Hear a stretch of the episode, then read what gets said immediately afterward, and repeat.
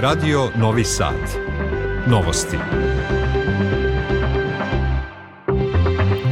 Dobar dan, ja sam Vesna Balta. Ja sam Tatjana Miražić. Vesti dana. Zbog poplava vanredna situacija u osam opština u Srbiji. Specijalni izaslanici Evropske unije i Sjedinjenih američkih država, kao i savjetnici iz Francuske, Nemačke i Italije, danas u Prištini i Beogradu. Poznate nove cene goriva – Pojedine zemlje Evropske unije spremne da pošalju tenkove Ukrajini. Sneg pao u većini krajeva u Srbiji, nadležne službe na terenu. I sutra hladno sa susnežicom i snegom, temperatura do 3 stepena. U Novom Sadu sada je 1 stepen. Telo jednog od dvojice nestalih juče u Bujici u Novom pazaru pronađeno je na obali reke Raške. Za drugom nestalom osobom i dalje se traga. Nivo reka u Novom pazaru i Sjenici znatno je opao. Trenutno je najteža situacija na Ibru koji se izlio u Raški. Osim u Raški, vanredna situacija zbog poplava proglašena je u još sedam opština. Prijepolju, Sjenici, Novom pazaru, Brusu, Tutinu, Kuršumliji i Prokuplju, kao i u devet mesnih zajednica u Kraljevu. Beleži Jasmina Dabić. U Raški su ugrožene prečkolska ustanova i sportski centri pokraj Ibra koji je od sinoća nadošao 25 cm. Poplavljeno je i više prilaznih ulica. Na sednici kriznog štaba doneta je naredba o zatvaranju vrtića i srednjih škola zbog teške situacije, kaže za RTS načelnik odeljenja za vanredne situacije u Kraljevu Dejan Sejzović. Stanje na terenu je pod kontrolom. Ibar je u stagnaciji. Pojačane snage pripadnika sektora za vanredne situacije su konstantno na terenu. Čim smo dobili upozorenje u koordinaciji sa opštinskim stavom za vanredne situacije i nadležnim službama lokalne samouprave, bili smo na terenu, preventivno postavili bedeme, crpili vodu tamo gde je trebalo i građani su bili sve vreme apsolutno bezbedni. Popljena domaćinstva nije bilo osim dvorišta i među međuprostora industrijskih hala. Ibar se izlio i u ušću, poplavljen je deo fabrike odminske vode koja se nalazi na obali reke. Gradski vodovod isključuje vodu u toj varoši jer je zamućena pa je bez vode oko 600 kuća. Nakon što je toplica probila nivo odbrane i Kuršumlija je od noće se bez vode za piće jer je poplava došla do rezervoara odakle se grad snabdeva vodom. Nivo lima stagnira. Juče je podignut još jedan nasip da zaštiti Brodarevo. U prepoljskom naselju Zalog i dalje je više domaćinstava poplavljeno, mada je lim počeo od noćas da se povlači, kaže za RTS Milorad Spasojević iz Uprave za vatrogasno spasilačke jedinice već preko 30 cm imamo registrovan opadanje lima sa tendencijom pada. Što se tiče e, priboja, tamo je situacija, da kažem, sada stabilnija, jer smo imali ona dva naselja koje jesu bila pogođena e, povećanim vodostajem lima. Tamo je sada situacija e, sve pod kontrolom. Što se tiče e, opštine Prijepolje, počeš od Brodareva do o, naselja Zalog, e, situacija jeste bolja. Imamo još nekoliko domaćinstava koji su pod vodom. Nažalost, ovo je tako depresija pored same reke Lim, gde će se ta voda i dalje zadržati, ali je bitno da sam Lim opada, pa samim time će se i ta voda naknadno povući. Zbog odrona u prekidu je železnički saobraćaj na Barskoj pruzi između Prijepolja i Bijelog polja. Putnike iz Prijepolja prevoza autobusima do Bijelog polja kako bi nastavili putovanje. Porast e, vodostaja i na rekama u regionu. U Republici Srpskoj situacija je stabilna i pod kontrolom, a prati se stanje vodotoka, rekao je vršelac dužnosti direktora Republičke uprave civilne zaštite Milan Novitović. On je naglasio da je nekoliko objekata zaplavljeno od Drine i reke Hoče i deo vikend naselja u Janje. Vodostaji Une, Sane i Vrbasa su u porastu, a situacija se prati, dodaje Novitović. Na području Hercegovine stanje je stabilno. U Beograd su stigli specijalni zaslanik Evropske unije za dijalog Beograda i Prištine Miroslav Lajčak, specijalni zaslanik SAD-a za Zapadni Balkan Gabriel Escobar i savjetnici iz Francuske, Nemačke i Italije. Prepodne je takozvana Velika petorka boravila u Prištini gde su razgovarali sa premijerom privremenih prištinskih institucija Albinom Kurtijem, nakon čega je Lajčak izjavio da su očekivali više razumevanja za predlog za normalizaciju odnosa sa Beogradom. Više o tome Marija Maleš. Sa izaslanicima međunarodne zajednice koji su se prethodno u Prištini sastali sa premijerom privremenih institucija Albinom Kurtijem, razgovaraće predsednik Srbije Aleksandar Vučić, koji je izjavio da očekuje teške razgovore. Očekujem veoma težak razgovor. Jedan od najvažnijih razgovora koje smo imali u prethodnim godinama. Nadam se da će biti pomaka e, i da će razgovori biti malo manje teške od onoga što ja očekujem, ali to je samo moje pusto nadanje. Pa što se tiče naroda na Kosovo i Metohiji, ne mislim da to njih posebno interesuje. Njih interesuje kako Kosovo da bude primljeno u sve međunarodne organizacije i kako Srbija da se odrekne Kosova. Ambasador Srbije u Sjedinim američkim državama Marko Đurić rekao je da će srpsko rukovodstvo s međunarodnim predstavnicima razgovarati o strateškim stvarima bitnim za srpski narod na Kosovu i Metohiji i da će članovima Velike petorke ukazati na kršenje briselskih dogovora svakako je minut do 12 za primjenu briselskog sporazuma, za poštovanje vašingtonskih principa i za normalizaciju stanja na terenu, odnosno za ustavljanje jednostranih Kurtijevih poteza koji su zadali mnogo glavobolje ne samo našim ljudima koji žive na Kosovu i Metohiji, već i destabilizovali čitav region. Vučić će se u Vili Mir sastati sa specijalnim predstavnikom Evropske unije za dijalog Beograda i Prištine i druga regionalna pitanja Zapadnog Balkana Miroslavom Lajčakom, zamenikom pomoćnika američkog državnog sekretara i specijalnim izaslanikom za Zapadni Balkan Gabrielom Escobarom, savjetnicima za spoljnu i bezbednostnu politiku predsednika Francuske i nemačkog kancelara Emanuelom Bonom i Jensom Pleterom, kao i sa diplomatskim savjetnikom predsednika Italije Franceskom Talom. Kenija je još jednom potvrdila svoj stav da neće priznati samoproglašenu nezavisnost Kosova, rečeno je za Tanjug u Ministarstvu spoljnih poslova. Kenija ostaje posvećena principima suvereniteta i teritorijalnog integriteta vaše zemlje i podržava mirno rešenje u skladu sa međunarodnim pravom i zato ostajemo na istoj poziciji kada reč o Kosovu, ističe se u dopisu upućenom ministru spoljnih poslova Ivici Dačiću. Vojna saradnja Srbije i Mađarske je na izuzetno dobrom nivou. Saglasili su se na sastanku u Beogradu ministri odbrane dveju zemalja, Miloš Vučević i Kristof Šalaj Bobrovnički. Vučević je sastanak sa delegacijom Mađarske ocenio kao otvoren i prijateljski razgovor koji je, kako je rekao, još jedna od mnogih potvrda istorijskih najboljih odnosa Srbije i Mađarske. Srbija je ostvarila ogroman uspeh na međunarodnom tržištu kapitala uz nikada veće interesovanje investitora da ulažu u naše kartije od vrednosti, ocenio je ministar financija Siniša Mali navodeći da je prikupljeno milijardu 750 miliona dolara. On je za RTS objasnio da se Srbija zadužila u dolarima jer je tržište u toj valuti aktivnije nego u evrima pri čemu smo i umanjili rizik. Prema njegovim rečima, na kraju meseca udeo javnog duga u u BDP-u biće 50,2 odsto. Ovaj novac ćemo iskoristiti dalje da nastavimo da gradimo i naše železničke pruge i naše puteve i škole i bolnice i sve ostalo. Tako da sa te strane velika potvrda, velika sigurnost za naše građane. Dakle, na pravom smo putu i to je po meni u ovom trenutku najvažnija vest. Možda u poslednjih 12 godina, ako se ne varam, koliko smo mi na tržištu kapitala prisutni, ubedljivo smo najbolje prošli u smislu interesovanja i u smislu želje investitora da rade sa Srbijom. Na lokalitetu Čoka Rakita u opštini Žagubica pronađeno je bogato ležište zlata, potvrdila je ministarka rudarstva i energetike Dubravka Đedović. Ona je kazala da su potencijalne rezerve značajne za ekonomiju cele zemlje, posebno za region Istočne Srbije visok koncentrat zlata, što je izuzetno dobro, čak 93%. Ovo jesu preliminarna istraživanja, mi očekujemo da ona budu potvrđena i kroz elaborat koji će se uraditi i onda će se i te rezerve overiti. Veoma dobra vest za sve građane Srbije, za buduću ekonomiju Srbije, jer to znači nova nalazišta e, visoko koncentrisanog zlata u našoj zemlji Poznate su nove cene goriva koje će važiti narednih 7 dana. Cena i dizela i benzina već je za 3 dinara. Litar dizela košta 198 dinara, a litar benzina 167 dinara. Svet U Donbasu su nastavljeni žestoki sukobi za Bahmut i Kreminu, gde ruske snage pokušavaju da prodru.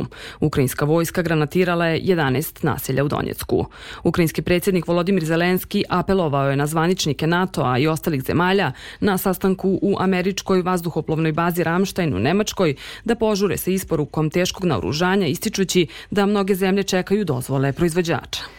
Generalni sekretar NATO Jens Stoltenberg saopštio je da države koje podržavaju Ukrajinu moraju da budu fokusirane ne samo na slanje novog oružja Kijevu, već i na isporuku municije za starije sisteme i pomoć u njihovom održavanju.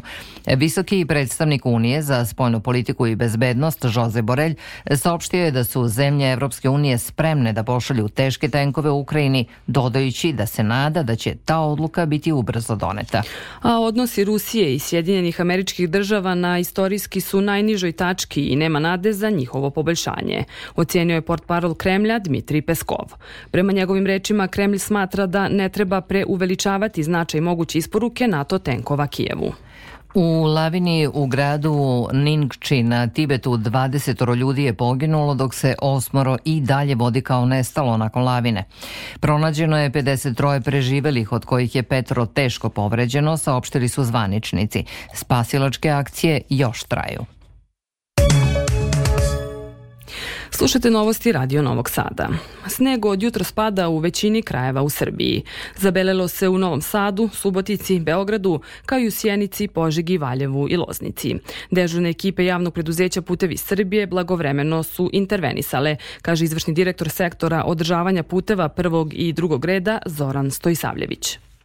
Na snazi je trenutno drugi stepen angažovanja, što znači da je negde na terenu oko 370 vozila i oni za sad uspešno rade svoj posao. Padavine su se pomerile ka severu, gore imamo čak i do Subotice snežnih padavina, ali nigde nemamo bitnih problema što se tiče snegu. Brsko-planinskim predelima, naročito Golija, ima e, snežna padavina sa većim intenzitetom, ali u principu su e-, ekipe na terenu i rade svoj posao za sad uspešno. Zbog jakih padavina i snega koji se zadržava na kolovozu, obustavljen je saobraćaj za teretna vozila preko Iriškog venca na Fruškoj gori i to na silaznoj traci sa tog prevoja. Kolovoz je vlažan, a snega ima i do 5 cm. Zabrana za šleperi i kamione sa prikolicom na snazi je na putnim pravcima Petrovaradin, Irik, Raskrsnica za Vrdnik i na silaznoj traci sa Fruške gore. A prvi sneg pao je i u Novom Sadu. Gradske zimske službe su na terenu terenu, a zbog padavina koje će se nastaviti i preko noći, kada je moguća i poledica, neophodna je oprezna vožnja. Detalje donosi Milan Rakić. Radnici javnog komunalnog preuzeća Put na terenu su sinoć. Najviše snega palo je na saobraćajnice sa sremske strane, pa su zbog toga one bile prioritet za čišćenje.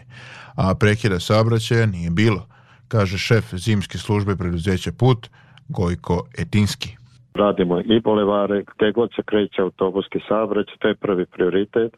Drugi prioritet se trenutno radi, znači bez obzira da li treba ili ne, bit će posuti sa solju, jer sneg i dalje pada, nije nekog jakog intenziteta, ali će sve ulice biti tretirane sa solju, da bi se eventualno u narednom periodu, u narednim padavinama, bila neka podloga slanosti na samim putevima. Radnici gradskog zelenila, njih 128, od jutro su na terenu u svim delovima grada. Nadležnosti zelenila su čišćenje autobuskih stanica, mostova i Petrovaradinske tvrđave, kaže Jelena Prica i objašnjava kakva je situacija u prigradskim naseljima. U prigradskim naseljima je takođe ovaj, onako kako je po nadležnostima ovaj, raspoređeno svako na svom radnom zadatku, tako da ovaj sneg sigurno neće napraviti nekih većih eh, problema za funkcionisanje kako grada, tako i građana u prigradskim naseljima. Na terenu su i ekipe parking servisa. Radnicima tog preuzeća prioriteti su parkiralište ispred bolnica i u centru grada. Port parol parking servisa Radovan Jeknić kaže da se ne očekuju veći problemi sve je negde pod kontrolom, mi se nadamo da ovo i neće pasti, ne znam kako, makar tako meteorolozi kažu, ali ukoliko bude i ljudi, mehanizacija su tu. Padavine će se nastaviti i za vikend s temperaturama oko 0 stepeni. Od nedelje se očekuje promenljivo vreme i smena snega i kiše, navode iz Republičkog hidrometeorološkog zavoda. Sneg i u regionu. Sneg koji od jutro spada u delovima Bosne i Hercegovine izazvao je probleme vozačima na pojedinim putnim i magistralnim pravcima, a zabeleženo je i nekoliko saobraćajnih nesreća. Saobraćaj se otežano odvija na planinskim prevojima, posebno prema Nišićima, prenose tamošnji mediji. Radio Televizija Vojvodina obeležila je tri decenije rada i postojanja programa na romskom jeziku. Istovremeno je ispratila u penziju novinara i urednika romske redakcije Petra Nikolića, e, koji je učinio da romski jezik i kultura budu sastavni deo programa RTV-a. Za 35 godina rada isticao je značaj obrazovanja romske populacije, pomagao studentima i afirmisao romsku nacionalnu zajednicu. Opširnije Biljana Cores.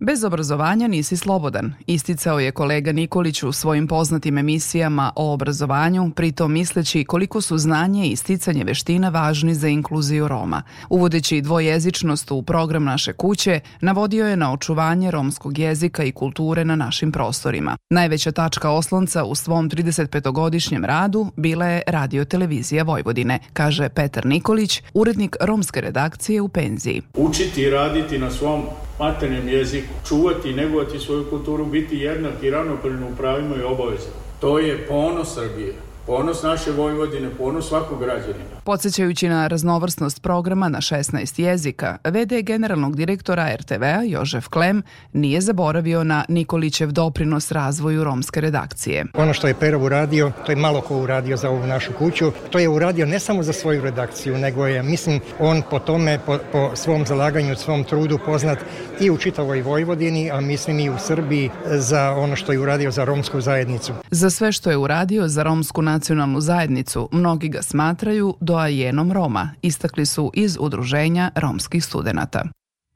U Novosadskom pozorištu danas je bilo reči o proslavi 49. godišnjice pozorišta, o konkursu koji je raspisan za novog direktora te ustanove, ali i o novom projektu. Tamo je bila Ana Čupić. Novosadsko pozorište će svoju drugu polovinu 49. sezone početi naredne nedelje rođendanskom nedeljom. S obzirom na to da smo na pragu velikog jubileja, ovogodišnji program će biti skromniji, ali ne manje kvalitetan, rekao je umetnički direktor Robert Leonard. Ako je svaka godina ista, ako je svaki rođen dan na isti način se slavi, onda zapravo ne dobijaju na značaju on rođendani koji su oni glavni. Nakon 10 godina Novosadsko pozorište raspisalo je konkurs za novog direktora. Ko će biti na čelu tog teatra biće nam poznato za dva meseca. Valentin Vencel, trenutni direktor, izjavio je da je najviše ponosa na to što je pozorište sačuvalo svoj integritet. Najveći uspeh ovih, bar kako ja vidim, ovih 10 godina je to da Novosadsko pozorište nije potpalo ni pod kakav ne teatarski, ne umetnički uticaj bilo koje vrste. Nedavno su na sceni ovog pozorišta počele i probe predstave Antigona u režiji Romana Nikolića, čija je premijera zakazana za 28. februar. Srpska pravoslavna crkva i vernici danas slave Svetog Jovana Krstitelja, praznik posvećen svetitelju i proroku koji je na reci Jordan krstio Isusa Hrista. Jovanjdan je i česta krsna slava. U našem narodu Sveti Jovan je izuzetno cenjen. Pri sklapanju kumstva i pobratimstva obavezno se pominje ime ovog sveca. Današnji praznik naziva se Saborom zbog toga što se ljudi danas okupljaju u crkvama slaveći Svetog Jovana Krstitelja. Sport. U 20. kolu Evrolige košarkaši Crvene zvezde od 19 časova dočekuju litvanski Žalgiris, go gostuju litvanskom Žalgirisu, dok FMP iz Železnika u 15. kolu regionalne aba lige od 18 časova gostuje Splitu. U 13. kolu Superlige Srbije za odbekaše Vojvodina će u Novom Sadu od 17 časova i 30 minuta dočekati radnički iz Kragujevca, a od 19 časova Spartak u Subotici ekipu Takova iz Gornjeg Milanovca.